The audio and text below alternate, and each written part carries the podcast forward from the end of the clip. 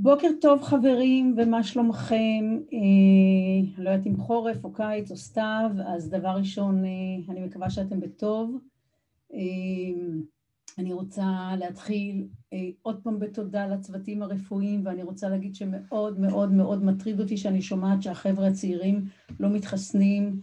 אז אם יש לכם ילדים, אם אתם בעצמכם צעירים, יש לכם חברים, אנא, אנא, אנא, אנחנו צריכים להתחסן בשביל כולנו כדי לחזור לחיים יותר קרובים למה שאנחנו רגילים. אני אתמול הסתובבתי בתל אביב, הייתי צריכה לעשות סידורים, וזה היה לי עצוב בצורה בלתי רגילה לראות את רוטשילד ריק, כואב הלב. אנחנו צריכים לעשות מאמץ קולקטיבי, וזה בדיוק הזמן לחשוב לא רק על עצמנו, אלא על כל מי שמסביבנו, ולהתחסן גם אם אנחנו לא מאמינים בזה. אני לא אכנס כרגע למאפיינים בעצם של החיסונים החדשים, ובטח את החיסון של מדינת ישראל בחוכמתה הרבה קנתה, וכולנו יש ביקורת על המדינה, בגלל זה אנחנו כנראה גם נמצאים כאן הבוקר. אני חושבת שבהקשר הזה התקבלה החלטה נפלאה, והחיסונים הם בעיניי פלטפורמה להרבה מאוד דברים שיאפשרו לנו, יאפשרו לנו לטפל בעצמנו הרבה יותר בשנים הקרובות. זה לא המודל הישן של החיסונים, אנחנו לא יכולים להידבק בגלל החיסון הנוכחי. אנא, אנא, אנא, אנא. תתחסנו, תתחסנו, תתחסנו. ועכשיו אני רוצה להגיד למה אני מדברת על מה שאני מדברת היום. אז אני רוצה להזכיר לכולנו שאני לא מומחית בשום דבר, ואני בטח לא מתיימרת להיות מומחית במדעי החברה, או, או בפוליטיקה, או בממשל, ממש רחוקה מזה, אבל הסוגיות שעל השולחן הן כל כך כבדות, ומשום שאני טכנו-אופטימית, ולפני זה אני הומניסטית, ומה שמעניין אותי תמיד זה המפגש בין האנושות ובין הטכנולוגיה, בין הכלים שאנחנו למעשה מייצרים, ובגלל שאנחנו בתקופה כל כך מורכבת, למעשה זאת הרצאה שאני עובדת עליה on and off כבר כמעט שנה. וביום שלישי חזרתי אחרי יום מאוד מורכב מכל מיני סיבות מאיזושהי עבודה, ודיברתי עם חברתי הטובה נעמה, ואמרתי לה, אני מתלבטת אם לדבר על נשים, או על דור ה-Z, או... או לממשל, ואת יודעת, זה נושא כבד, ואז היא אמרה לי, יאלי, זה כל כך חשוב. בבקשה. אז קחו בחשבון שזה מה שנקרא work in progress, משום שאני חיברתי ביומיים שלושה האחרונים כל מיני חלקים, חלק יהיה באנגלית, חלק בעברית, תסלחו לי, יש סיכוי טוב שיש שגיאות כתיב באנגלית, עכשיו ליאור איתי, ואנחנו לא הצלחנו למצוא פתרון שאני אעשה, כי גמרתי כרגע, כרגע, זה ממש ממש חם מהתנור, אז תסלחו לי גם לגבי זה, ואני מציעה שנצלול. אני לא בטוחה שנספיק היום הכל, כי יש לא מעט על מה לדבר, אבל בואו נתחיל. נראה לי שזה הכי חשוב. אז רגע, אני צריכה לעשות שתף מסך, נכון? וממה, אוקיי, ומה אני צריכה לעשות עכשיו? מה אני זה? את זה? אוקיי. ליאור כתמיד, כמו תמיד עוזר לי. אוקיי, בואו נראה שזה עובד לנו.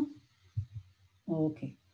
אז ממש אני, ממש שלוש דקות למי שלא מכיר את התפיסה, את התמה שלי, אני רק אתחיל מלהגיד שבעצם אנחנו נמצאים בסיטואציה שבה נולד כרגע עולם חדש אמיץ, ובעצם מה שחשוב לדעת זה שבעצם כולנו כרגע עוברים דוקטורט, כולנו עושים דוקטורט כרגע בפגיעות, לא להתבלבל כולנו ביחד, וברנה בראון המופלאה אומרת לנו שבפגיעות מאוד מאוד גדולה נולד, נולד אומץ גדול, אפילו יש היא גם רואה את זה כסינונים, זאת אומרת, מבחינתה פגיעות זה אומץ, ומשם היא אומרת, רק דברים גדולים יכולים לקרות. אז אין ספק שכרגע העולם כולו עובר כרגע ביחד, זה לא רק מדינת ישראל, זה לא רק אנשים בגילאים מסוימים, זה לא רק קבוצה אתית מסוימת, כולנו ביחד עוברים שיעור דוקטורט, אנחנו מקבלים דוקטורט ב-no time, מה שנקרא, במסגרת האקסלרציה של האקסלרציה, ההאצה של ההאצה, אנחנו עוברים כרגע דוקטורט בפגיעות.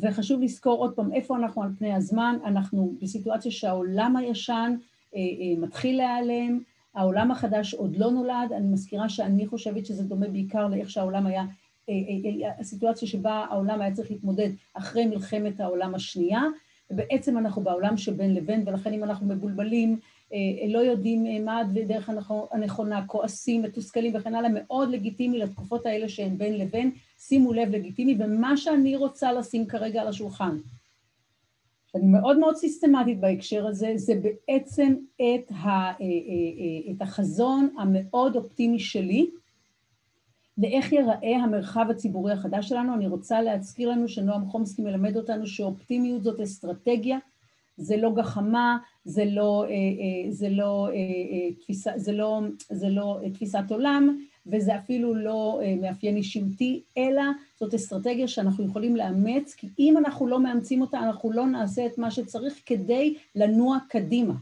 חשוב מאוד להבין את זה. זאת אסטרטגיה, וגם אם אתמול היית פסימי, מחר בבוקר אתה יכול ללכת ולהחליט שאתה מאמץ את האסטרטגיה הזאת. בכל רגע נכון, בכל רגע נתון אתה יכול לפתוח. וזה מה שאני רוצה להראות. אני רוצה להראות את ה... את ה-very positive scenario, את ה, את ה, את ה... משום שאף אחד לא מדבר על זה. מה שאנחנו שומעים מסביב, בלי סוף, זה סצנריואים שמדברים על סוף העולם, תפיסות שהן דיסטופיות, זאת אומרת דברים שהן, ומה שאנחנו מגיעים לפלטו, אנחנו מגיעים למקום שאי אפשר להתקדם, ולכן לא, אני לא מאמינה בזה. אני מאמינה שלמין האנושי יש כוחות על, אפילו בלי הטכנולוגיה, ואנחנו פשוט צריכים לכוון אותם. אז אני רוצה להיכנס פנימה, ואני רוצה להיכנס לתוך, ה, לתוך הדבר הזה. אז מה אנחנו אומרים? יש לנו כרגע חמישה משברים כבדים מאוד, סליחה, ארבעה. מי שחושב שאפשר להתעלם מהמשבר האקלימי, כמובן שאי אפשר. האנשים שברחובות, אצלנו, במקומות אחרים בעולם, מרימים ידיים, טוענים ומתחננים לצדק, לוחמים על צדק.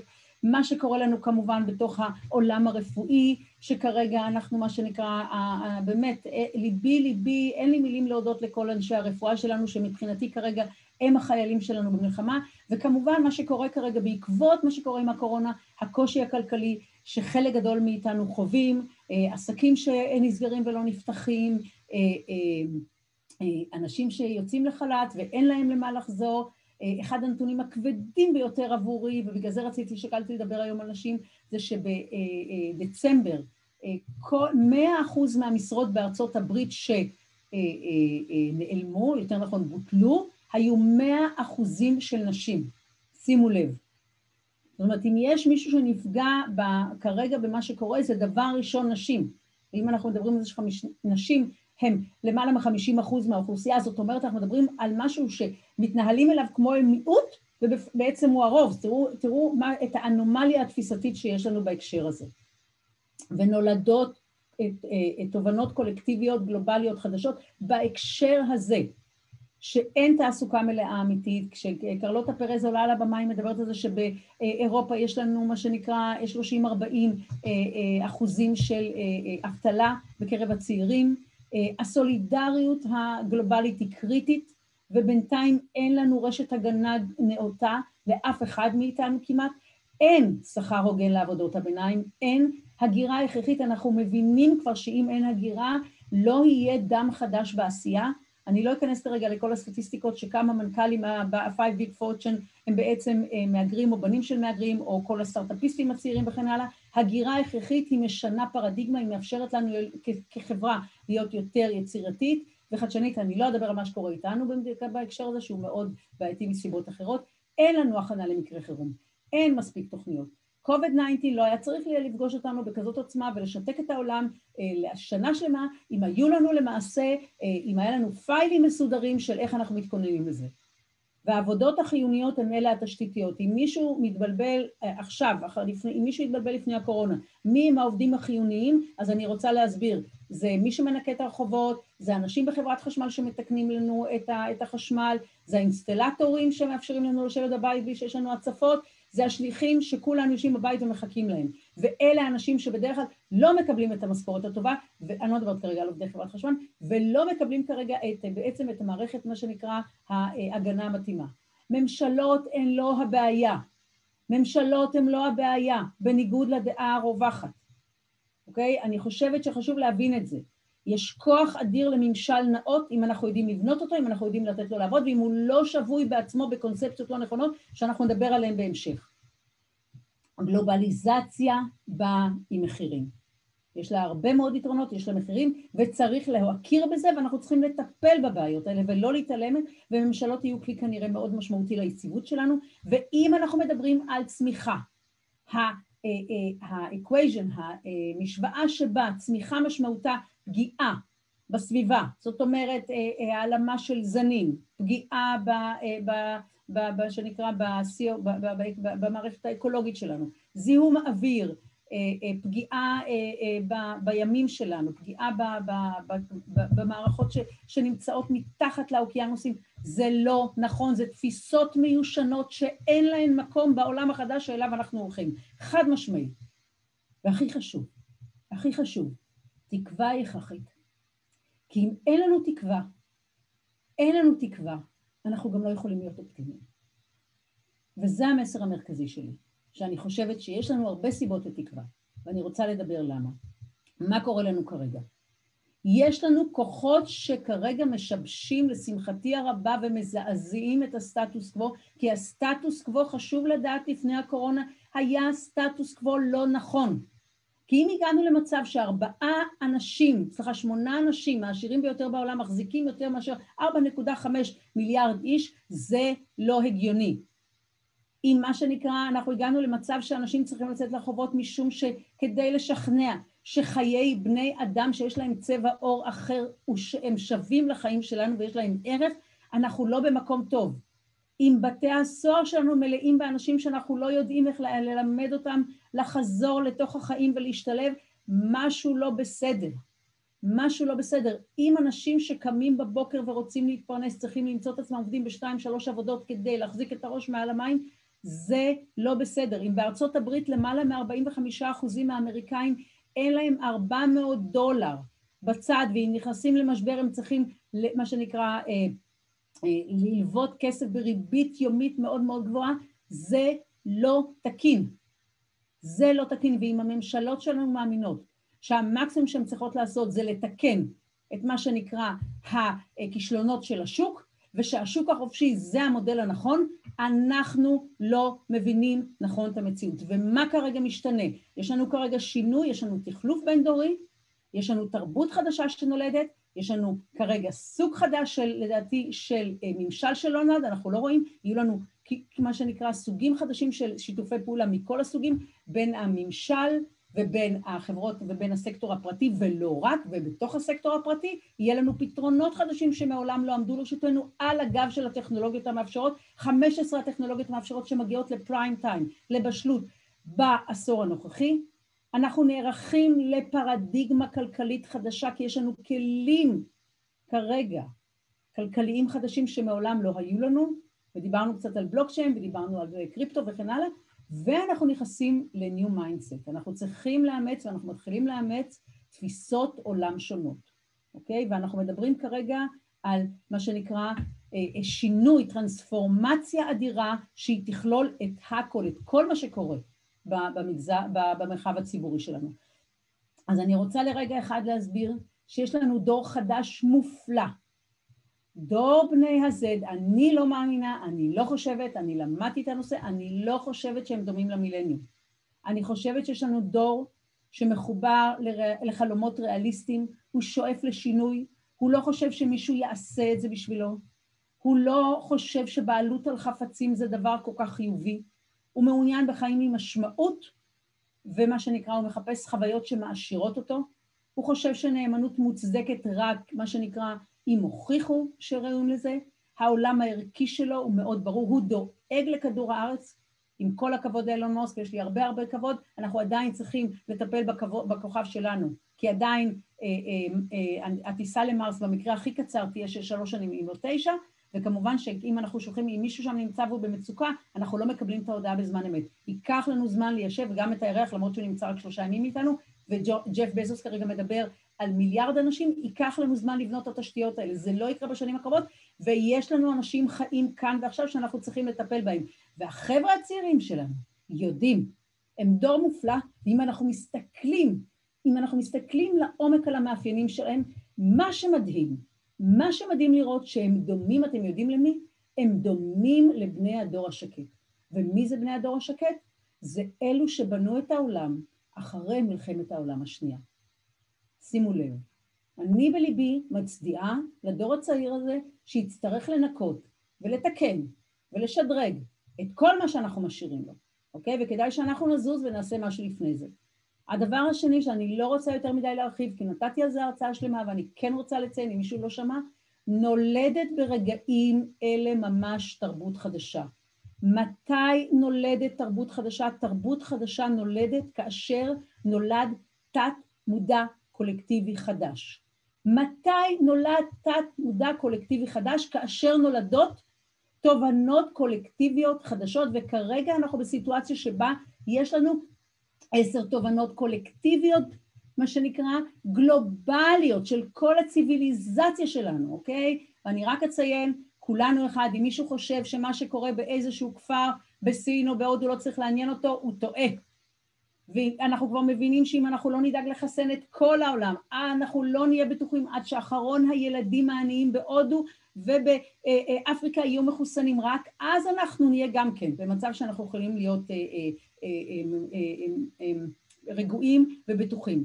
אנחנו מחוברים, יש לנו אחריות משותפת אנחנו צריכים לשתף פעולה, אנחנו צריכים לעשות את זה מהר, אנחנו חייבים להסתכל אחרת על הסביבה שלנו. הכלי המרכזי שלנו שעשינו לו דמוניז, דמונ, דמונטיזציה ודמוניזציה, המדע זה הכלי המרכזי שלנו, אנחנו צריכים לקחת את הטכנולוגיה לידיים, אנחנו נתנו לחברות הטכנולוגיה להוביל את הכיוון והכלים הטכנולוגיים הם כל כך חזקים שלא ייתכן שלא יהיה דיון של כל בעלי העליין לאן הטכנולוגיה הולכת, אנחנו נצטרך לשנות את המודל שבו אנחנו, בעצם מה שנקרא, מתכננים טכנולוגיה, בונים אותה ועושים לה deployment.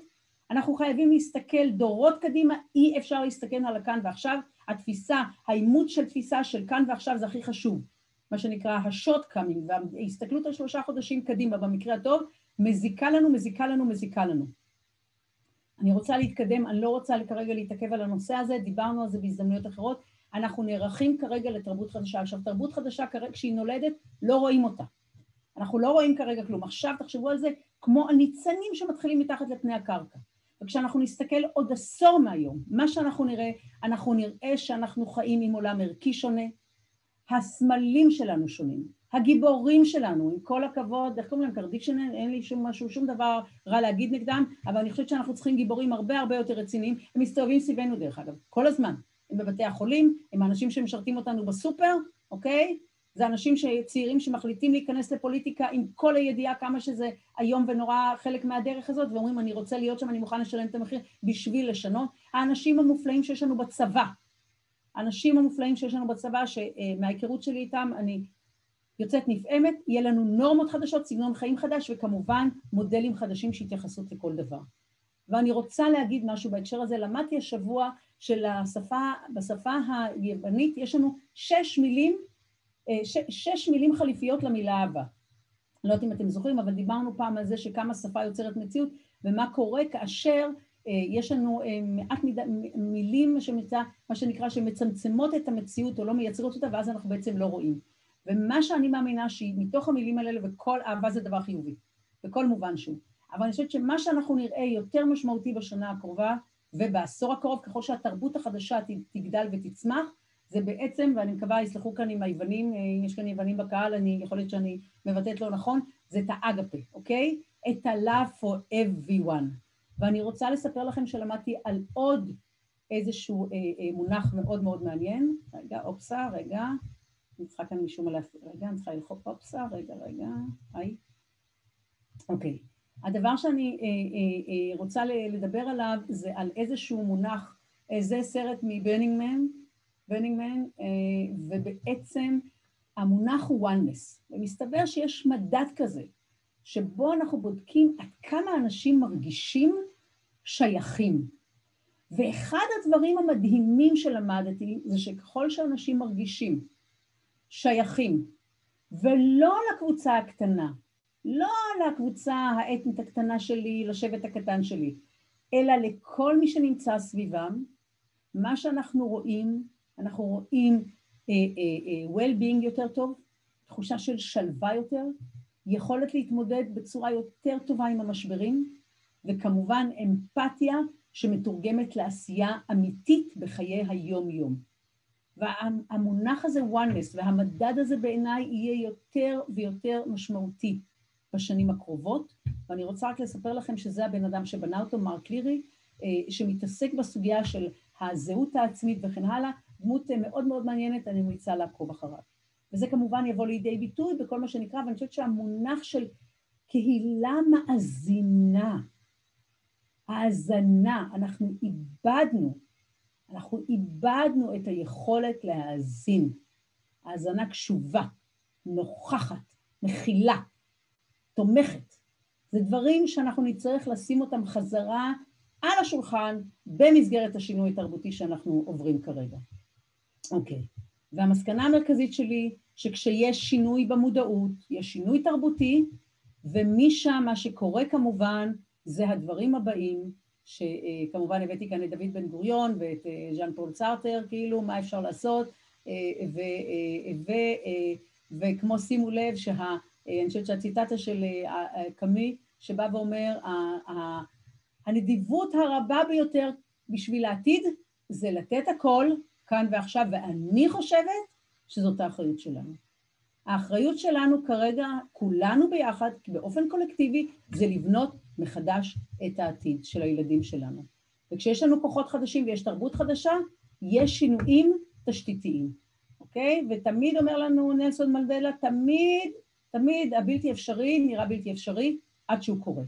אני חושבת שאנחנו צריכים להתייחס אל הקורונה כמו אל אלמנט של, שיצר אקסלרציה, האצה, מאיץ של התהליכים שגם ככה להערכתי היו קורים, ומצד שני באופן פרדוקסלי את הדבר ההפוך, את המרחב המאפשר, שמה שמאפ... שמאפיין את המרחב המאפשר זה דבר ראשון דווקא מה שנקרא הקפסוליזציה של הזמן, העצירה של הזמן. זאת אומרת, בעוד שהאקסלרציה באה ואומרת הזמן רץ הרבה יותר מהר, ה-enabling space, המרחב המאפשר, הוא מה שאנחנו קוראים לו בסוציולוגיה הבננה טיים, הזמן המעגלי, הקפסולה של הזמן שמאפשרת לנו התבוננות. החודשים האלה שישבנו בבית ולא יכולנו לעשות הרבה, והתחלנו להסתכל על עצמנו, והתחלנו לשאול את עצמנו שאלות, ומי המשפחה שלנו, ומה אנחנו עושים עם החיים שלנו, וכן הלאה. מאוד מעניין, שני תפקידים הפוכים בתכלית, שהקורונה הצליחה למלא בו זמנית, באותה נקודת זמן, עבור כל אחד ואחד מאיתנו. יוצא מגדר הרגיל. ומה המשמעות שזה אומר? ש... מה זה המשמעות בפועל של זה? שבעצם אני מאמינה שמה שיקרה כרגע זה שהנושא של חדשנות, של חשיבה יצירתית, של מה שנקרא של פתרונות חדשים, של סימני שאלה מאוד מאוד גדולים סביב הנחות היסוד, ומשם מה שנקרא הליכה ופתיחה של אופציות חדשות, זה יהיה מעבר לטכנולוגיה ומעבר לעסקים ששם בעיקר ראינו את החדשנות, לתוך החברה, כי אנחנו זקוקים לה. וזה אומר שאני מאמינה שאנחנו עתידים לראות בשנים הקרובות שינוי במבנים החברתיים, בתהליכים החברתיים ובתוצרים החברתיים שיעמדו לרשותנו, אוקיי? וזה בעצם המשמעות העמוקה של הטרנספורמציה, אוקיי? ואנחנו רואים שיש לנו שאלות קבועות שכרגע הן מוכרות אבל מקבלות כרגע משנה תוקף ומשנה חשיבות ואפילו urgency. מה התפקיד של המדינה? מה זה הפנים החדשים של הדמוקרטיה? תהיה דמוקרטיה, איך היא תהיה? מה, מה צריכים להיות סדרי העדיפויות שלנו ברמה המערכתית? מה המשמעות של net? האם המשמעות זה מה שנקרא לתת הכנסה לכל אחד, או לתת נגישות למשאבים שהתפיסות האחרות באות ואומרות, אוקיי? האם זה חיים בקולקטיב, או האם זה חיים דווקא בנפרד? האם זה חיים אורבניים או חיים מחוץ לעיר? כל הדברים האלה. מה בעצם החלוקה הנכונה של הכוח בין כל הכוחות, אוקיי? כאשר הדיון הכל כך כבד כרגע שמתנהל על פרטיות הוא רק מראה מקום לסוגיות האלה של מי שייך את הדאטה שלי, איפה אני בתוך המרחב הזה, אוקיי? ואיך אנחנו בונים את כיכר העיר החדשה. כי חשוב שתהיה לנו כיכר עיר. כולנו חשוב לנו שנהיה משתתפים אקטיביים בחברה שבה אנחנו פועלים, כי ברגע שאנחנו הופכים להיות פסיביים, ברגע שאנחנו מסתגרים, הנזק הוא כפול, הנזק הוא כפול בשבילנו, הנזק בשביל החברה, ועוד פעם, בשביל העתיד, אנחנו צריכים כל הזמן להיות עם עין כרגע על העתיד. הכאן ועכשיו כרגע הוא קריטי מדי מכדי שלא נשים עליו דגש כדי שיהיה לנו עתיד יותר טוב ולילדים שלנו. שימו לב. אז מה אני חושבת? אני חושבת שיש לנו הזדמנות מאוד מאוד גדולה לבנות כרגע עולם שהוא יותר הוגן, שהוא יותר מאפשר לכולנו. אני חושבת שזו הזדמנות פנטסטית לבלון לנו, מה שנקרא, לבנות לנו כרגע את, ה, את כל התשתיות שיאפשרו לנו להתמודד עם איזה שהן בעיות עתידיות. ואם מישהו חושב שהקורונה, אני אומרת, זה, זה אסון גדול, אני אומרת לכם, לא, זה תרגול היבש. כי אם ייפול לנו מטאור כאן, תאמינו לי, זאת צרה אמיתית. אנחנו לא ערוכים לזה. איפה תוכניות המגירה שלנו לזה? איך אנחנו מתמודדים עם זה? מדברים על זה שעם המשבר האקלימי כרגע יכול להיות שאנחנו, יהיה לנו מיליארד אנשים עקורים, אני מאוד מקווה שאני אהיה מספיק חכמים, יש לנו שעון חול של עשר שנים כרגע, אוקיי? וארצות הברית סוף סוף חוזרת כרגע להסכם פריז, נראה מה זה יעשה לנו, אבל חבר'ה, אם יש לנו אפילו רק 300 אלף, 300 מיליון, סליחה, 300 מיליון אה, אה, מהגרים כתוצאה אה, אה, מבעיות אקלימיות, מה אנחנו עושים איתם? מה קורה עם אנשים שלא מהגרים, אבל מה שנקרא, הם סובלים מבעיות מהשינוי האקלימי כרגע יותר מאיתנו, וזה בדרך כלל המדינות היותר עניות. איך אנחנו מטפלים בזה? איך אנחנו בונים את הגלובליזציה החדשה? אני קוראת לה גלובליזציה פוינט 2, אוקיי. ובעצם אני אגיד בכמה מילים מה אני חושבת, ואחר כך אני רוצה לשתף אתכם במה שאני למדתי. ואני חושבת שאנחנו זזים כרגע מהמודלים הקלאסיים של פר, אה, פרטי וציבורי, אני חושבת שאנחנו מתחילים, מפסיקים להתעסק עם ה-strong signals, זאת אומרת עם הסימנים החזקים, אני חושבת שאנחנו נצטרך לוותר על ההשקעה המינימלית בתשתיות, ואנחנו נצטרך להפסיק לעבוד בסיילו, ורק לא נתעסק בקורדיניישן, אלא באמת בסגנון, בסגנון אחר לגמרי, בעצם של מה שנקרא, של פעילות משותפת. אנחנו נעבור למודל שנשען על weak signal, שמאפשר לנו לזהות סימנים הרבה הרבה לפני שהם קורים. היה אפשר לדעת על הקורונה קודם, אנחנו יודעים את זה. אנחנו צריכים לטפל בטיפול גם באוכלוסיות החלשות שלנו, אנחנו מדברים על הגברה של ה, מה שנקרא ה-collective responsibility, על הערבות ההדדית שלנו, ואנחנו מדברים כרגע בעיקרון על מה שנקרא ה-lifestyle חדש ועל מה שנקרא תשתיות שהן הרבה יותר טובות. וחבר'ה, אנחנו השארנו מאחורה מערכות שלמות. אנחנו השארנו מאחורה את החינוך ואת הבריאות, ואנחנו כרגע משלמים את המחירים. ואנחנו נצטרך לבנות שיתופי פעולה חזקים, חדשים, בין המערכות הממשלתיות ובין הסקטור הפרטי, כי אף אחד מהם, כי אנחנו לא נצליח לנוע קדימה אם לא יהיה שיתוף פעולה. תכף אני ארחיב, אני רוצה לדבר על זה דרך הדברים בעיקרון שמדברת עליהם קרלוטה פרס, שתכף אני רוצה שנצלול. ואני חושבת שדבר ראשון יהיה לנו סוג חדש של UBI, Universal Basic Income, מה שנקרא, חייבים לתת מערכת הגנה לכולם. לא ייתכן שבמצב של משבר רק לחזקים תהיה, אנחנו נצטרך לשנות את המדיניות של הממשלה, הממשלה לא יכולה להיות מנותקת, בכל העולם אנחנו רואים את זה. אנחנו רואים שכולם מדברים על טרנספרסי, ואני רוצה להגיד שבעיניי לפחות שאנחנו מדברים על שקיפות, ולא שאני מזלזלת בשקיפות, והיא קריטית כרגע, כי כרגע אין לנו אמון, אבל אני יכולה להבטיח לכם שאם היה לנו אמון, לא היה כזה דיון על, לא היה כזה דיון על שקיפות. אנחנו מדברים על שקיפות כמה שנקרא, כסוג של חיסון, וקסינציה נגד חוסר האמון, אוקיי? ואנחנו נצטרך לבנות אינדקס לרמת הפעילות של הממשלות. אוקיי? כולנו כרגע מדברים על, אה, יש דיונים מאוד כבדים, איפה ואיך המדינה, הממשלות מתנהלות, נכון? אנחנו צריכים לבנות אינדקס גלובלי, אוקיי? וכמובן אה, בנייה של תוכניות אה, לסיטואציות כבדות. ועכשיו אני רוצה, סיטואציות בעייתיות. אני רוצה כרגע להציג לכם את חמשת הכלכלניות שמשנות את איך העולם נראה. כל אחת מהן מובילה תנועה שלמה, אני לא כרגע אעבור על, על כולן כי אין לנו זמן, אבל אם אתם רוצים להבין לאן העולם הולך, לאן הוא צריך להתכוונן. דווקא דרך היבט פיננסי, אני ממליצה להסתכל על חמש הנשים הללו, ואני בחרתי היום להביא ולשתף אתכם בשתיים מיני, בשתיים ממה ש... מהחשיבה, במודלים של החשיבה וש... וביוזמות שהן מציעות, של שתיים מהן שאני באופן אישי אה, מעריצה, אה, קרלוטה פרז ומזקוטו, אה, מריאנה מזקוטו. אוקיי. אז אני רוצה כרגע לספר לכם, קרלוטה פרז היא מומחית לכלכלה ולממשק בין טכנולוגיה ובין כלכלה. זה מה שהיא עושה. והיא מתעסקת בעצם, הסוגיות שהיא מתעסקת בהן זה בעצם למידה שאיך מהפכות טכנולוגיות משפיעות על החברה, על הסוסייטי. ובשלושים במאי אני נוסעת לירושלים באמצע הקורונה, ומשום שאני משתדלת לשמוע כל מה שהיא עושה, אני מדברת הרבה מאוד בספרדית שאני לא מספיק יודעת עדיין, ומה שאני רואה זה שקרלוטה פרז עולה על הבמה בכנס ואומרת את המילים הללו. באופן מפתיע, המשבר הנוכחי עשוי להוביל אותנו לתקופת שגשוג חדשה, השלושים במאי עשרים. ומה שאני רוצה כרגע זה לשתף אתכם מה שהיא אמרה בהקשר הזה, בהקשרים אחרים, שאני חושבת שהוא הוא, הוא, הוא, הוא מחייב אותנו לחשיבה לגמרי לגמרי שונה, אלה שני הספרים שהיא כתבה, לצערי היא לא כתבה בזמן האחרון, כנראה עסוקה מדי בלעשות דברים, אבל אני רק רוצה להסביר מה היא אומרת. היא אומרת לנו שכשמתנהלת מהפכה טכנולוגית, אנחנו רואים פרידה רדיקלית מהעבר. היא אומרת לנו שלא מספיקה טכנולוגיה אה, אה, מהפכנית אחת, אלא רק נפגש בין שתיים או שלוש אה, טכנולוגיות מהפכניות מאפשרות מהפכה טכנולוגית. אני רוצה להזכיר לנו במאמר מוסגר שהעשור הקרוב יש לנו 15 טכנולוגיות מהפכניות שמגיעות לבשלות.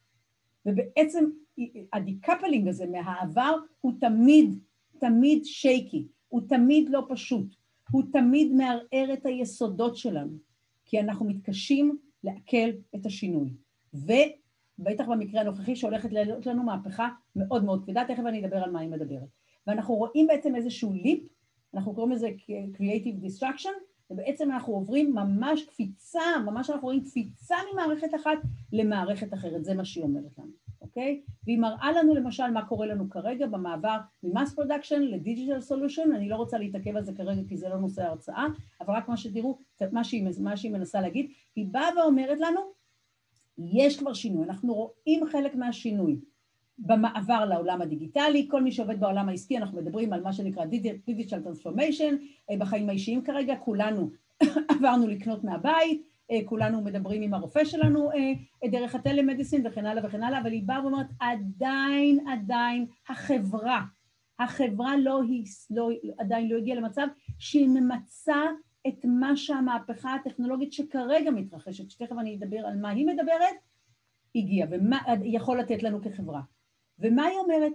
ואז כשהיא עולה לבמה, דרך אגב, היא אומרת, אתם יודעים איך אני מרשה לעצמי לבוא ולהגיד עכשיו, באמצע המהומה, באמצע הבלגן הנוראי שהעולם חווה, 30 במאי, אני מרשה לעצמי לעלות על הבמה ולהגיד שאני מאמינה שאנחנו הולכים למקום הרבה יותר טוב, ואנחנו נערכים לגולדן ג'יי, והיא אומרת, המשפט הבא שלה הוא, אני לא, אם הייתם שואלים אותי בינואר, אני לא הייתי בטוחה בזה. זאת אומרת, הסיבה שאני מרשה לעצמי לעשות את זה, משום שזה מה שאני עושה בחיי, אני יושבת ולומדת השפעות של מהפכות טכנולוגיות על החברה. ומה שהיא מראה לנו, היא מראה לנו את כל חמש המהפכות הטכנולוגיות שארבע שכבר היו לנו, ומה שנקרא, ואני ממליצה לכם להאזין לה, היא מדהימה, היא מסבירה כל, אחד, כל אחת מהמהפכות מה היא עשתה, ואז היא שמה את השקף הזה. היא אומרת, שימו לב, שימו לב, התחלנו את המהפכה הטכנולוגית, של Information Technology, של טכנולוגיית המידע, ב-1941, והיא אומרת, תראו, אני שמה כאן רק חצי מהחץ. כי היא אומרת, בדרך כלל מהפכה טכנולוגית מחליטה על הכיוון שלה באמצע הדרך. היא אומרת, כל מהפכה טכנולוגית, חשוב לדעת, בניגוד למי שיש לו תפיסות דטרמיניסטיות לגבי טכנולוגיה ולאן היא הולכת, מהפכה טכנולוגית יוצרת הרבה מאוד אפשרויות. ובאמצע הדרך, באמצע הדרך יש את נקודת ההחלטה שבה מי שמקבל את ההחלטה לאן מובילים את המהפכה הטכנולוגית זה לא הטכנולוגים, זה לא חברות הטכנולוגיה, זה לא המשקיעים בחברות הטכנולוגיה, זאת החברה עצמה. והיא אומרת, אנחנו כרגע בנקודה הזאת, שימו לב, אוקיי? היא אומרת, אנחנו בנקודה הזאת, והשאלה לאן אנחנו הולכים מכאן. והיא מסבירה לנו שכל טכנולוגיה, אוקיי, יש לה את השלב הזה, אוקיי? יש לה את השלב בעצם, היא אומרת, יש את הבנייה, אחר כך יש את השלב הראשון של מה שנקרא של ה installment, ואחר כך יש את ה deployment, אוקיי? שימו לב. היא באה ואומרת, ואם אנחנו מסתכלים אפילו על זה, דרך הפריזמה הזאת, אפילו רק על בינה מלאכותית, חבר'ה, בינה מלאכותית, יש לנו כבר למעלה מ-65 שנה. 3D printing כמעט 40 שנה וכן הלאה. אפילו אם אנחנו מסתכלים על זה דרך הפריזמה של איך מתפתחות, איפה נמצאות כרגע הטכנולוגיות, אוקיי? שימו לב, היא אומרת, יש לנו כרגע, תמיד יש לנו את ה-installment period, אוקיי? התקופה הזאת, לפני ה deployment, והיא באה ואומרת, תמיד, תמיד, תמיד, תמיד, תמיד, יש תקופה קשה באמצע, שימו לב. שימו לב. ואז יש את ה-turning point. אוקיי? ואז נולד ה golden age, היא מראה לנו איפה זה קרה עד עכשיו, ומה היא אומרת לנו על מה שקורה לנו עכשיו, אוקיי? שימו לב. היא באה ואומרת לנו, אוקיי? אנחנו נמצאים כרגע במקום הזה, אוקיי? היא אומרת, אנחנו ב turning point כרגע, ותכף אני אסביר למה, במה היא מסבירה מה קורה לנו כרגע ולמה היא משווה את זה, ואז היא אומרת, זה מה שצריך להיות. אנחנו צריכים ללכת, להוביל את החברה ביחד עם הטכנולוגיה, זאת אומרת איחוד של מטרות. בשלב הבא תכף אני ארחיב למה אני מתכוונת, אבל שימו לב, אוקיי? היא אומרת זה לא יכול לקרות, אוקיי? עד שאנחנו לא עושים שינוי דרמטי. ומה שהיא אומרת כרגע, אוקיי? שבעצם מי שיכול להוביל את זה, ובעקבות זה את היצירה, ובעצם לקחת את התהליכים הטכנולוגיים המתוחכמים שלנו ולהשתמש בהם כדי לבנות סגנון חיים חדש, זאת רק המדינה. המדינה כנציגה של האזרחים. זה מה שהיא באה ואומרת. וככה היא אומרת, וכשנולד, אוקיי? היא אומרת, היא אומרת, סגנון חיים חדש בשום פנים ואופן לא נולד על ידי חברות הטכנולוגיה, זה רק, רק, רק אנחנו, החברה יכולה להחליט על זה, שימו לב, אוקיי? וחייב להיות שינוי בקונטקסט, ורק המדינה יכולה לעשות את זה, על ידי זה שיש לנו רידיזיין של הכל, של מערכת המיסים שלנו, של הרגולציה, של ההנחיות הפוליטיות, של הדרך שבה המוסדות שלנו עובדים, אוקיי? כאשר מה שהיא אומרת, וזה נורא נורא קריטי להבין, כשיש לנו כיוון אחד ברור, ויש מה שנקרא איחוד, יש סינרגיה של העשייה שלנו. והיא מדברת למשל אחרי מלחמת העולם השנייה, היא אומרת מה היה? היא אומרת סגנון החיים החדש היה, היו לו שני ממדים מרכזיים, אחד זה היה המלחמה הקרה, והדבר השני זה היה החיים בסאברב. ומשום שהייתה הסכמה על ידי המגזר הציבורי ועל ידי המגזר הפרטי ועל ידי המגזר העסקי שאלה מטרות נאותות, אנחנו ראינו התגייסות בכל המקומות לקראת אותה מטרה. אנחנו לא נצליח למצות את הפוטנציאל שהטכנולוגיות המהפכניות מאפשרות לנו והמהפכה הטכנולוגית הבאה אם אנחנו לא נגדיר מטרה אחת ברורה שכולנו עובדים לקראתה. זה המסר המרכזי שלה. והיא אומרת, אם אנחנו מסתכלים כרגע על מה שקורה, היא אומרת, והיא מתחילה להסביר למה היא כל כך שמחה, היא אומרת, בדרך כלל כשיש לנו משבר כלכלי, מה קורה לנו?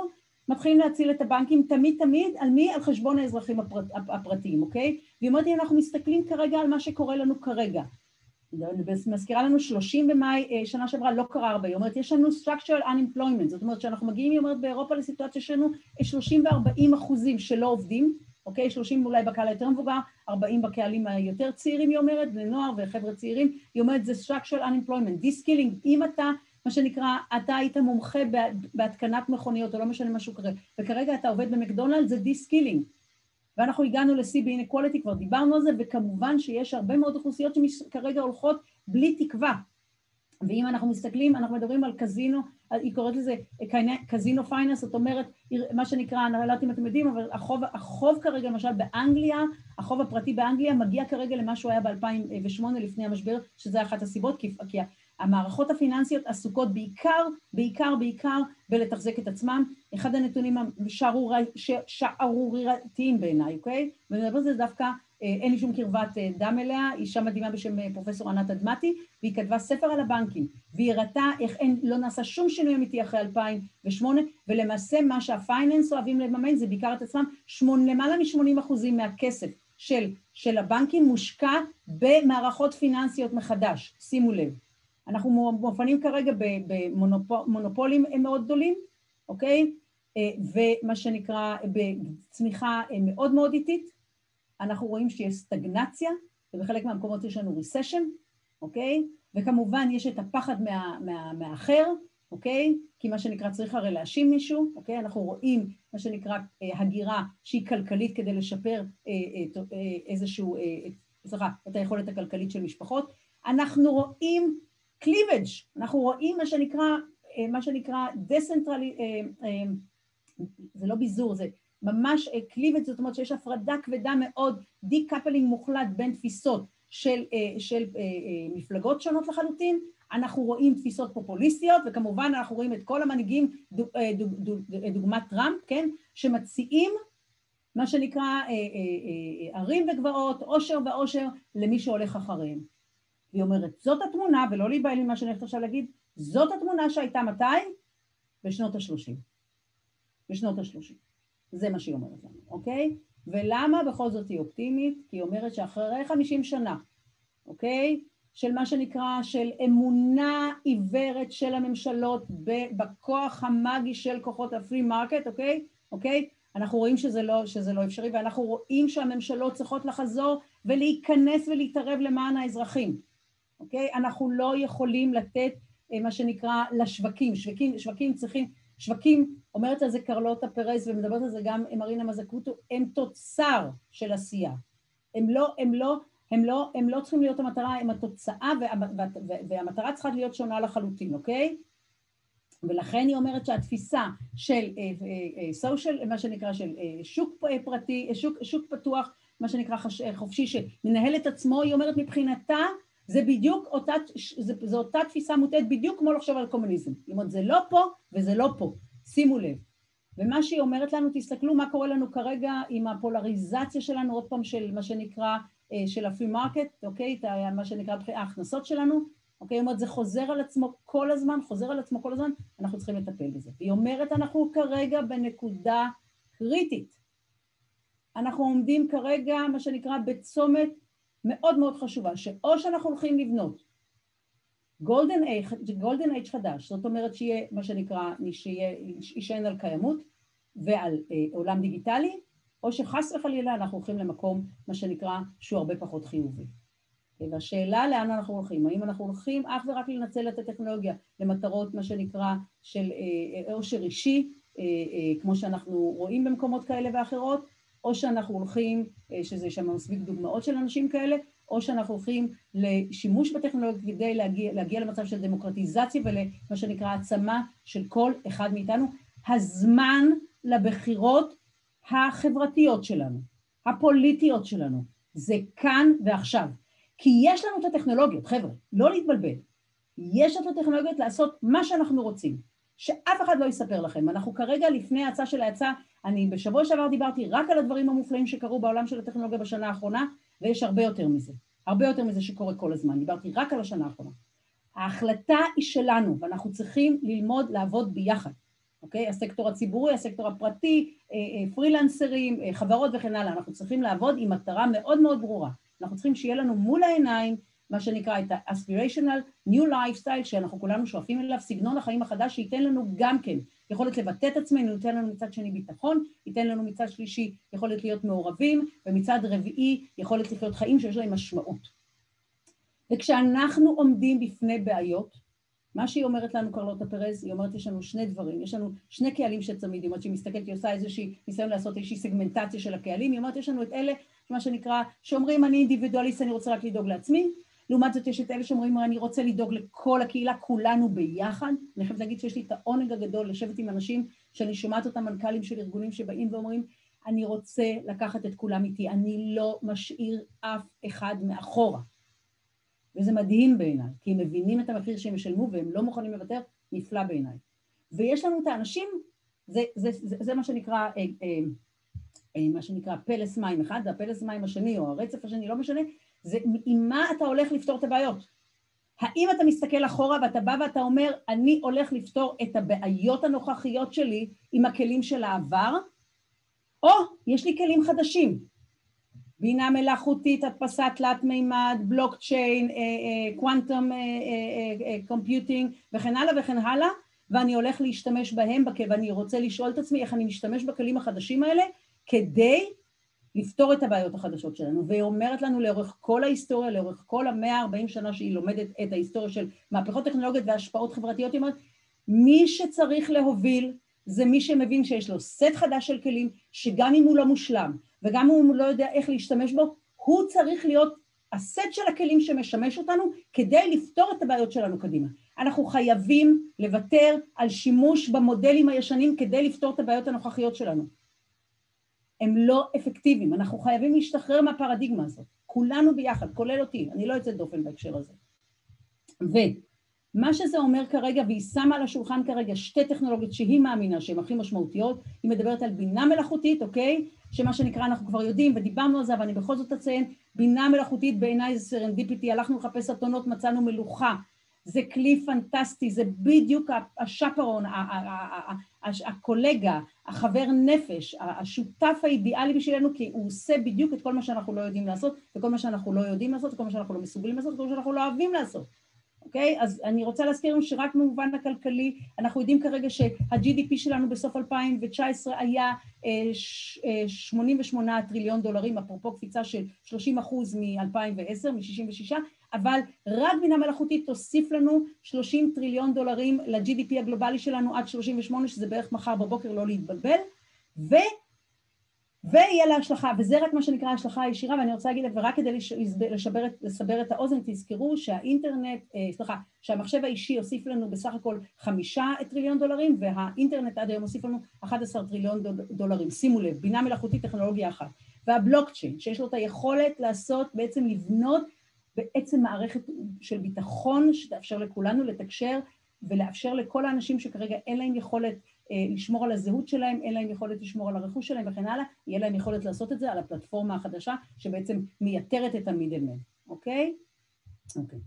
ובעצם, היא שואלת עכשיו שאלה מאוד משמעותית, למה אנחנו חושבים, למה אתם חושבים שאני, למה אני, סליחה, היא אומרת ככה, למה אתם חושבים שאני לוקחת לעצמי את הזכות להגיד שכשאני מדברת על מהפכת ה-IT, שמבחינתה AI אה, ובלוקצ'יין הם ייצוגים של המהפכה, למה אני יכולה לדבר איתם ביחד בנשימה אחת, בשלווה ומתוך ביטחון עם על מה? עם המהפכה הירוקה. עד היום התפיסה שלנו הייתה שטכנולוגיה זה ההפך מירוק. והיא באה ואומרת זה לא נכון, כי יש שני ממדים ששותפים שהם בליבה, היא אומרת, של מהפכת ה-IT, וזה מה שנקרא דמטריאליזיישן, uh, uh, זאת אומרת הפיכה של כל דבר למשהו שהוא לא, אה, למשהו שהוא לא פיזי, ואם מישהו לא זוכר, אני רוצה להזכיר שכולנו, לפחות אני גדלתי, היה לי בהתחלה תקליטים, ואחר כך היה לי קסטות, ואחר כך היה לי אה, דיסקים, אוקיי? והיום אני שומעת מוזיקה 24 שעות בלי שיש לי אף אחד מהם. ואני לא שומעת פחות מוזיקה, אני שומעת יותר מוזיקה, נכון? אז זה רק כמראה מקום. או כמובן מנוע החיפוש שלנו, הספרייה הייתה מנוע החיפוש שלנו, והיום מה? הגוגל שאנחנו אפילו לא חושבים עליו, ושהוא מאפשר לנו גישה לכל דבר שאנחנו רק רוצים בכל רגע נתון, ללא שזה עולה לנו שקל אחד בלבד, אוקיי? אז זה המשמעות של דמטריאליזיישן, זאת אומרת שאנחנו הופכים דברים לחסרי נוכחות פיזית, חסרי, חסרי ממשות, וזה דבר שמאפיין את מהפכת ה-IT בליבה, וזה בטח מה שמאפיין את המהפכה הירוקה בליבה, חלק יש עוד דברים כמובן, וגלובליזציה. אנחנו לא פועלים יותר, גם בעולם ה-IT וגם בעולם הירוק, אנחנו לא יכולים לחשוב במקומי, במונחים מקומיים, זה לא רלוונטי, זה לא רלוונטי. אפילו ה-COVID-19 שאנחנו יודעים שהוא תוצר ישיר של, במידה רבה, של הנושא של המשבר האקלימי שלנו, מכל מיני מי שרוצה שיקרא זה, מה קורה לנו שם בהקשר הזה, שימו לב. ופתאום יש לנו שתי מהפכות שבליבה שלהן, בליבה, יש תשתית זהה, שמאפשרת למעשה איחוד ביניהם, ואז אנחנו לא צריכים לבחור. אנחנו לא צריכים לבחור אם אנחנו מתקדמים עם הטכנולוגיה ומוותרים וממשיכים לפגוע בכדור הארץ שלנו ולזהם ולגרום לשני מיליון איש למות בשנה מזיהום אוויר וכן הלאה וכן הלאה והמים המלוכלכים וכן הלאה. יש לנו שם חצי מיליון איש שמתים מים מלוכלכים בשנה. שימו לא צריך לעשות את זה אנחנו לא צריכים, אנחנו יכולים להפסיק עם, ה, עם ההריגה של, ה, של, של, של, של המזונס, של יערות העד וכן הלאה, עם, ה, עם החיסול של זנים שלמים, אנחנו יכולים להפסיק עם זה ולהתקדם. והיא באה ואומרת אין שום סיבה לבכות, אין שום סיבה לשבת ולהגיד אוי, אנחנו כרגע הורגים את כדור הארץ, כן, היא אומרת אני לא מאמינה ברגשי אשם, שימו לב, לכל אלה הפולנים כמוני שיש להם רגשי אשם תמיד על כל דבר, שימו לב. היא אומרת זה לא משרת אותנו, לא צריך את זה, אנחנו יכולים ללכת קדימה בלי זה. איבדתי את תחושת הזמן כדרכי בקודש, והיא באה ואומרת מה למעשה יהיה, מה, והיא מדברת, המונח וחשוב, זה הדבר, אל תזכרו שום דבר מה שאני אומרת, אל תזכרו, היא מדברת, זה הדבר הכי חשוב, smart green growth, אוקיי? היא אומרת צמיחה אה, אה, ירוקה, חכמה, היא אומרת היא תבוא עם מה שנקרא פיתוח גלובלי, זה מה שהיא מאמינה בו. היא באה ומדברת על כיוון סינרגי חדש בשביל החברה ובשביל ה, אה, בשביל ה, ובשביל ה business, אוקיי? היא אומרת, אנחנו מדברים כאן, היא אומרת, אנחנו צריכים להיות ב win win situation כי אחרת זה לא עובד. היא מדברת על אה, אה, אה, מיסוי חדש אינטליגנטי, היא באה ואומרת מיסוי מעבר לזה שזה כלי שמאפשר לך לקחת את ה... להביא את מה שאת, הכסף בשביל מה שאתה צריך לעשות, היא אומרת זה אמצעי כדי לכוון את החברה לאן אנחנו צריכים ללכת. והיא אומרת אם כרגע בארצות הברית המס שלך, כן, על רווח הוא 15 אחוזים, ולא משנה, אתה יכול לקבל אותו בקר, בכל רגע נתון, ולא משנה אם היית, אם השקעת בזה שנה או עשר שנים, היא אומרת זה לא מעודד חשיבה ארוכת טווח. אבל היא אומרת, אם כרגע, כרגע היית מקבל 90 אחוז מס על כל מיני משחקים שלך, כל מיני שירקיס שעשית פה ושם, לא משנה, ותוך 24 שעות, אז אתה תשלם 90 אחוז, אתה תתחיל לחשוב אחרת. והיא מדברת על זה שבתקופה של אייזנהאואר, שימו לב, בתקופה של אייזנהאואר, מישהו יודע מה היה השיעור מס הגבוה ביותר? הוא היה 92 אחוזים כמו המס בשוודיה, ואף אחד לא התלונן. אז כנראה לא כולם שילמו 92 אחוזים, וכנראה מעט מאוד שילמו, אבל זה, צריך להבין על מה אנחנו מדברים, אלה היו רמות המיסוי, ולמה? ולמה היא אומרת הביזנס לא, למה הסקטור העסקי לא התלונן? כי מה שקרה, הכסף הלך לממשלה, משם זה הלך לאזרחים, משם למעשה נולד כמובן אה, אה, אה, צריכה, כי אנשים יש להם כסף, הם יכולים לצרוך, אוקיי? וכמובן העולם העסקי היה מרוצה, ואני רוצה להזכיר לנו שעד מלחמת העולם השנייה למעשה הסקטור העסקי התנגד לכל הצעה שהנשיא שם כדי לצאת מהמשבר אצלם, אוקיי? הוא התנגד לכל דבר. והוא התנגד בכלל, הוא לא רצה, הוא אמר, אנחנו נתעסק בשוק, אתם תתעסקו בניהול האנשים, לא מעניין אותנו.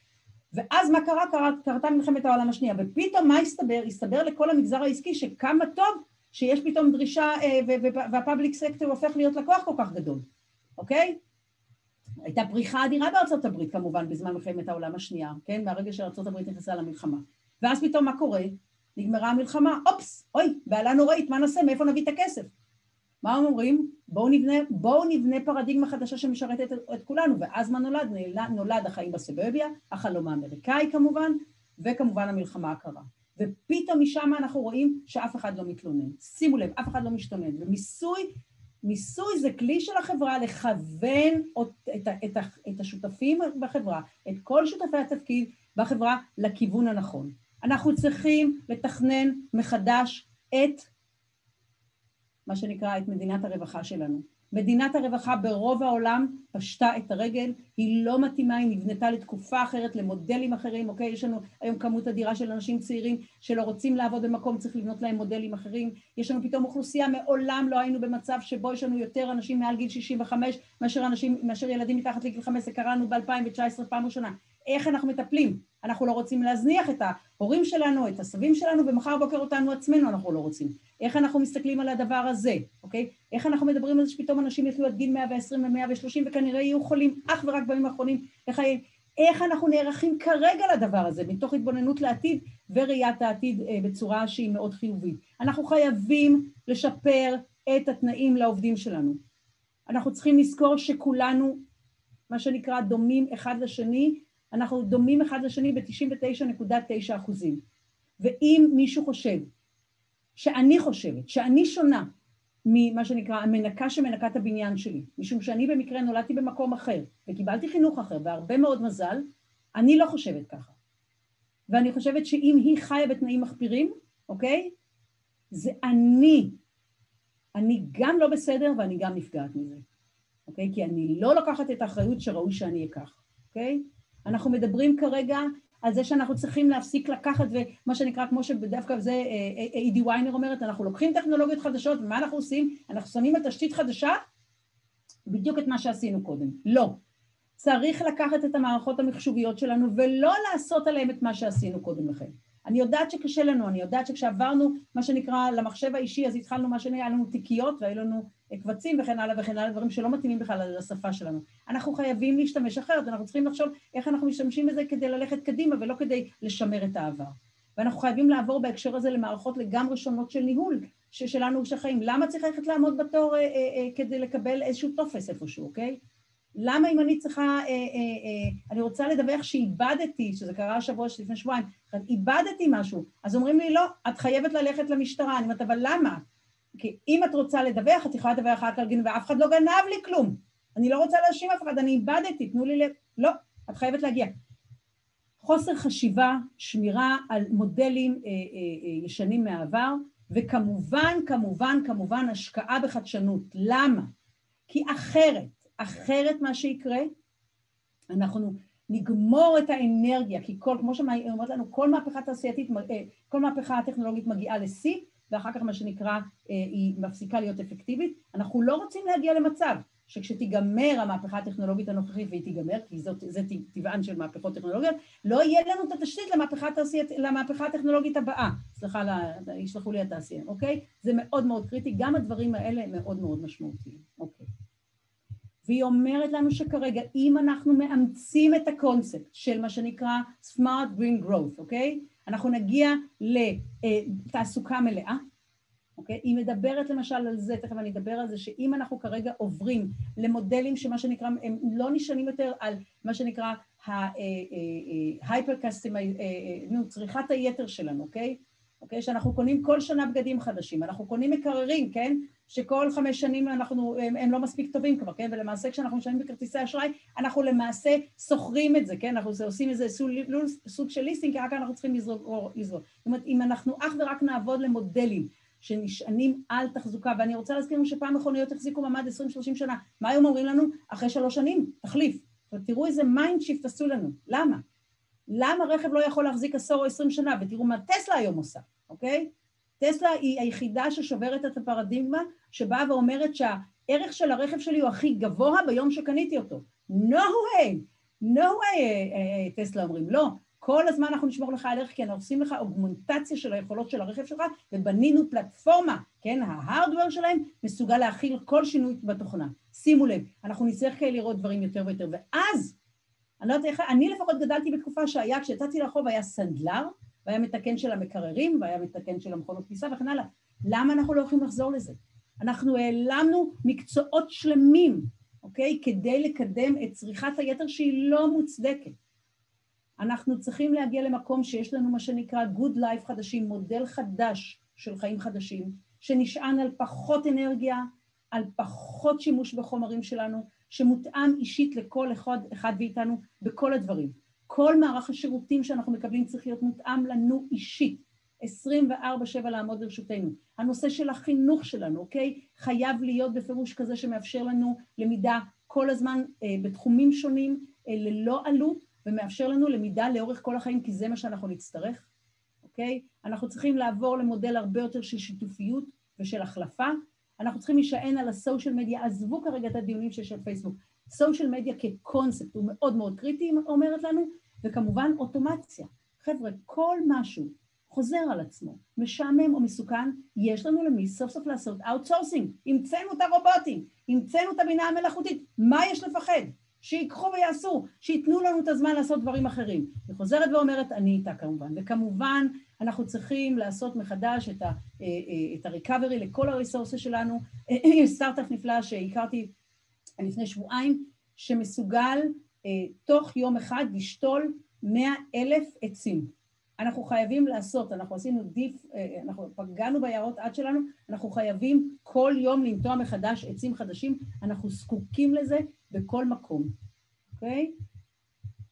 אז דיברנו על סגנון חיים חדש, היא אומרת, שנשען על שלושה ממדים, על אה, אה, אה, מטרה, על שייכות ועל חוויה, וזה מה שמעניין את החבר'ה הצעירים שלנו, אל תתבלבלו, החבר'ה הצעירים שלנו גם בתל אביב נוסעים כרגע על האופניים שלהם, עם הסלולרים שלהם, והם לא רוצים להיות בעלים של שום דבר, זה אפילו נראה להם לא נוח ואפילו לא ראוי, למה הם צריכים, ובצדק דרך אגב, אנחנו נצטרך לבנות מודלים פיננסיים חדשים שיאשרו אינקלוסיבנס של כולנו, יש לנו כרגע שני מיליארד איש שאין להם עדיין שום מה שנקרא, שום יכולת פיננסית, ואנחנו יודעים שברגע שאנחנו נבנה להם אה, מה שנקרא ארנק דיגיטלי, אנחנו בקלות מוציאים אותם מהעוני, ולצערי הרב זה הרבה מאוד, זה נשים כמובן, אני רוצה להזכיר לנו שאפילו בארצות הברית, המדינה הכי עשירה בעולם, יש לנו 30 מיליון אנשים שלא יודעים קרוא וכתוב. קרוא וכתוב זה כמו להיות עיוור היום, אוקיי? אנחנו צריכים לבנות פורמטים חדשים, אנחנו נשתמש במדפסות תלת מימד,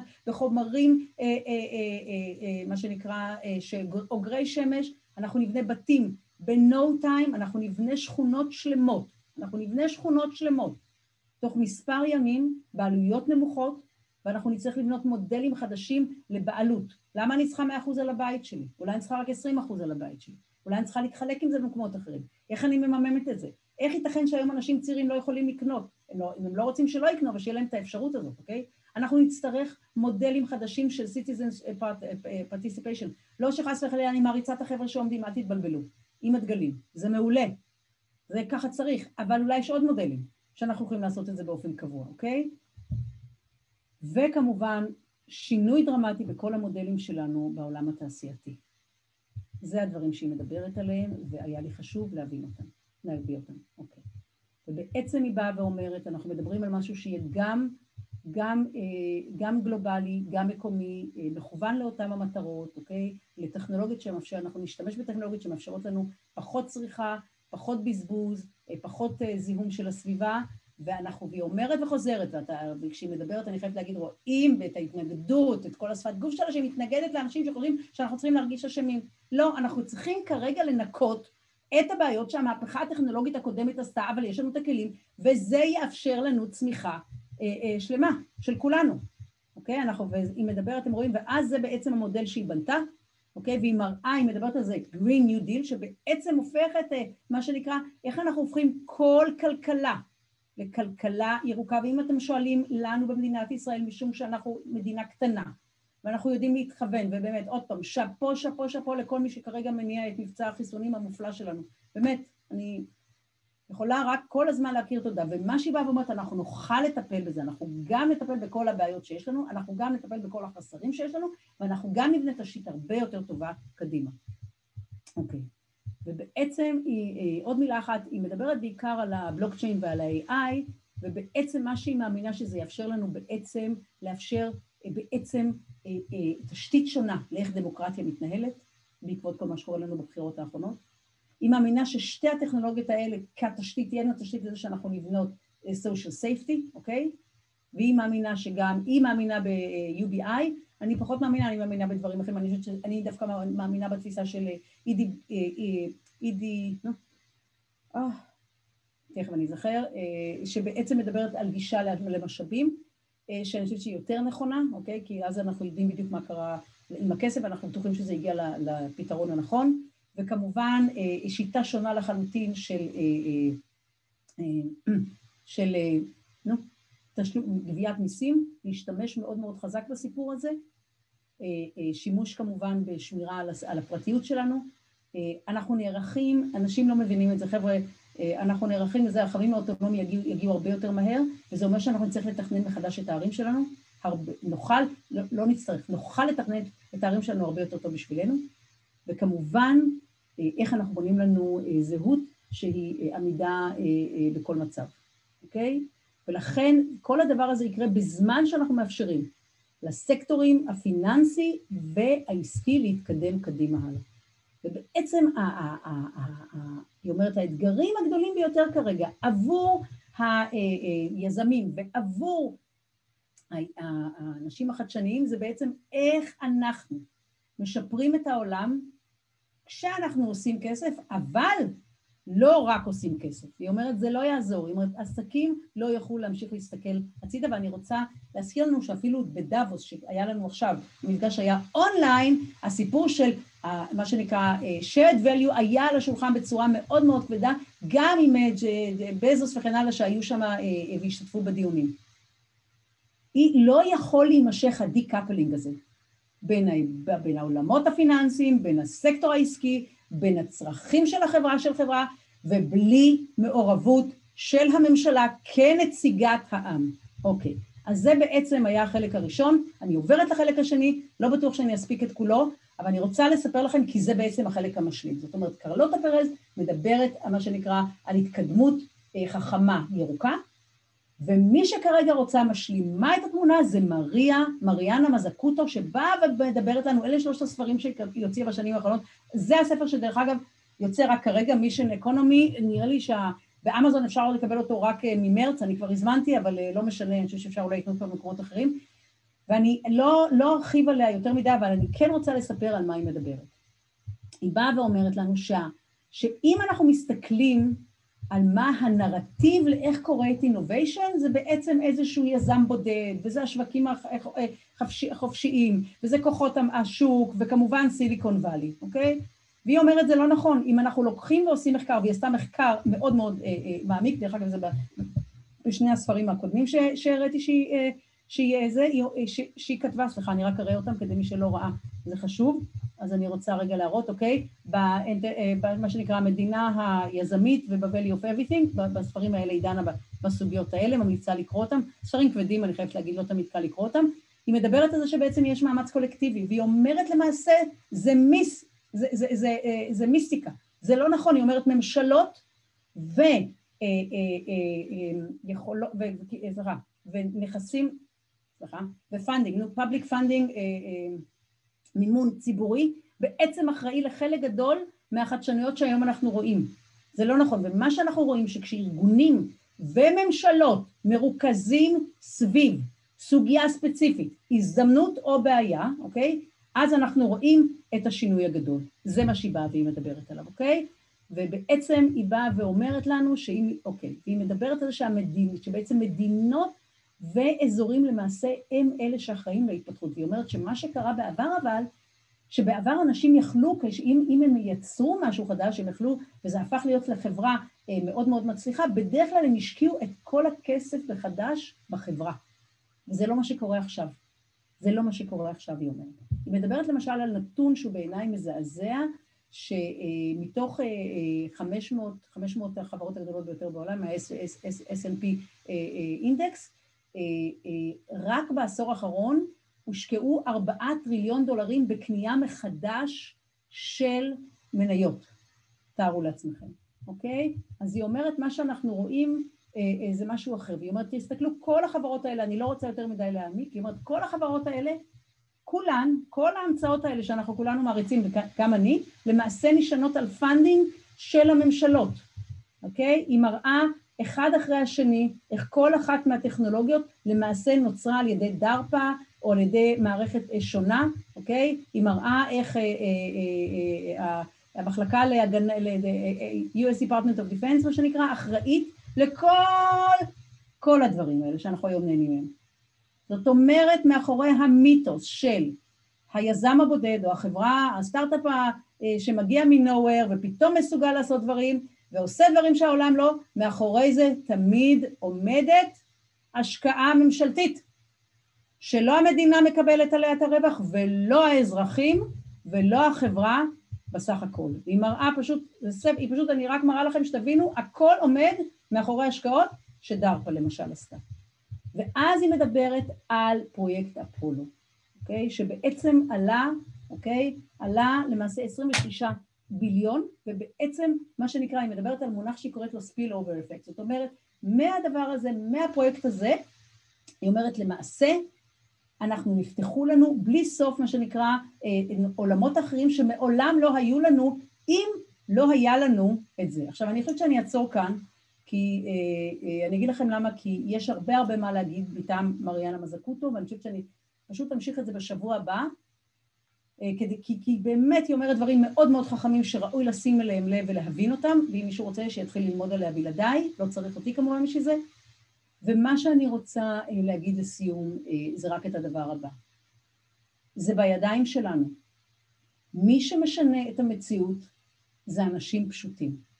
ואני רוצה להזכיר לכולנו, אומר לנו טיף נקן, שבתקופות של קושי גדול יש לנו שתי ברירות, או להיבהל ולהיות בפאניקה, או להיות the one who knows. ואני אחזור ואספר, כי זה כל כך חשוב, על אותה סיטואציה במלחמת וייטנאם, כאשר האיכרים רצים לספינות של ה... הספינות הקטנטנות שלהם, זה סירות קטנטנות שיש להם, רצים אל לב הים כדי להציל את נפשיהם, אה, לוקחים מיטלטלים אה, מועטים ומה שנקרא רק רוצים לברוח מהחיילים, ומי מחכה להם כמובן כאשר הם יוצאים אל הים הפתוח? מי אם לא, כמובן, הפיראטים. הוא אומר לנו, אם כולם ייכנסו לפאניקה, אם כולם ייכנסו לפאניקה, אף אחד לא ישרוד. אם יהיה אדם אחד שיישאר רגוע, וישמור על קור רוח, ויחשוב מה הדבר הנכון לעשות, להסתכל מרחוק ובניחותא. יש סיכוי מאוד מאוד מאוד גבוה שכולם יגיעו אל החוף בשלום. אני חושבת שבכולנו יש את זה שיודע. אנחנו רק צריכים להוציא אותו, ואנחנו צריכים לאפשר לו ולבנות לו את המרחב. ובתקופה הנוכחית אני חושבת שכולנו ביחד צריכים להיערך לבנייה מחדש של הדמוקרטיה, דמוקרטיה, של הרגולציה, אה, של המערכות הפיננסיות, של שיתוף הפעולה בין הסקטור העסקי לסקטור הציבורי, ואנחנו צריכים לוותר על המיתוסים שיש לנו לגבי מה שנקרא הדרך הנכונה להתקדם, ואני ארחיב על זה בפעם הבאה, כי מזקותו פשוט מגדירה את זה כל כך טוב, אז אני מעדיפה מה שנקרא, אה, כמו שאני תמיד אוהבת לשבת על, כתפי ענקים, הפעם לשבת על כתפי ענקית אה, ולהרחיב על זה בשבוע הבא. זהו, אני רק יכולה להגיד הרבה תודה. אה, תמיד מרגש אותי אה, שמישהו מוכן לשבת וללמוד איתי. אה, היה לי הרבה דיונים עם עצמי ועם הסביבה לגבי פתיחה של זום, כדי שאפשר יהיה לשאול שאלות. פשוט בפעם האחרונה שפתחתי זום היה לי יותר מדי הפרעות וזה הקשה עליי, אז אני... אתם רוצים לכתוב לי אם אתם רוצים שאני אפתח זום ואתם... אבל יאפשר, יאפשרו לי בכל זאת לדבר, כי אני מדברת ואם מפסיקים אותי אני פשוט שוכחת וזה מבלבלת, זה עזרה שאני צריכה. אז אם אתם חושבים שכן אפשר לפתוח זום ואז אני אוכל לענות לשאלות, תגידו לי, ו... או שאם אתם חושבים, הייתה עוד הצעה שעלתה, זה שבעצם אה, אני אפתח איזשהו מפגש זום, שכל מי שרוצה לשאול שאלה בכל נושא, אני אוכל לענות, גם בסדר. אה, ונמשיך בשבוע הבא, כי זה נושא מאוד מאוד חשוב, ויש עוד הרבה מאוד, אה, אני אגיד לכם שיש לנו 120 שקפים. אנחנו ב-63. הרבה תודה. סוף שבוע רגוע. תשמרו על עצמכם, על כל מי שאתם אוהבים. גם על אלה שאתם פחות אוהבים. כי אנחנו דומים, כמו שאומרת יפני ורה, 99.9 אחוז אנחנו זהים ולא שונים. אה, ותזכרו מה שאמר לנו מרק טוויין, שאת הנדיבות אה, זו שפה שגם אה, החירש שומע וגם העיוור רואה. מתאפשר לכם לעשות מעשה קטן של נדיבות כלפי זר, יכול להיות שאתם משנים את חייו. אז זה מתאפשר לכם, אם זה לא יותר מדי לבקש.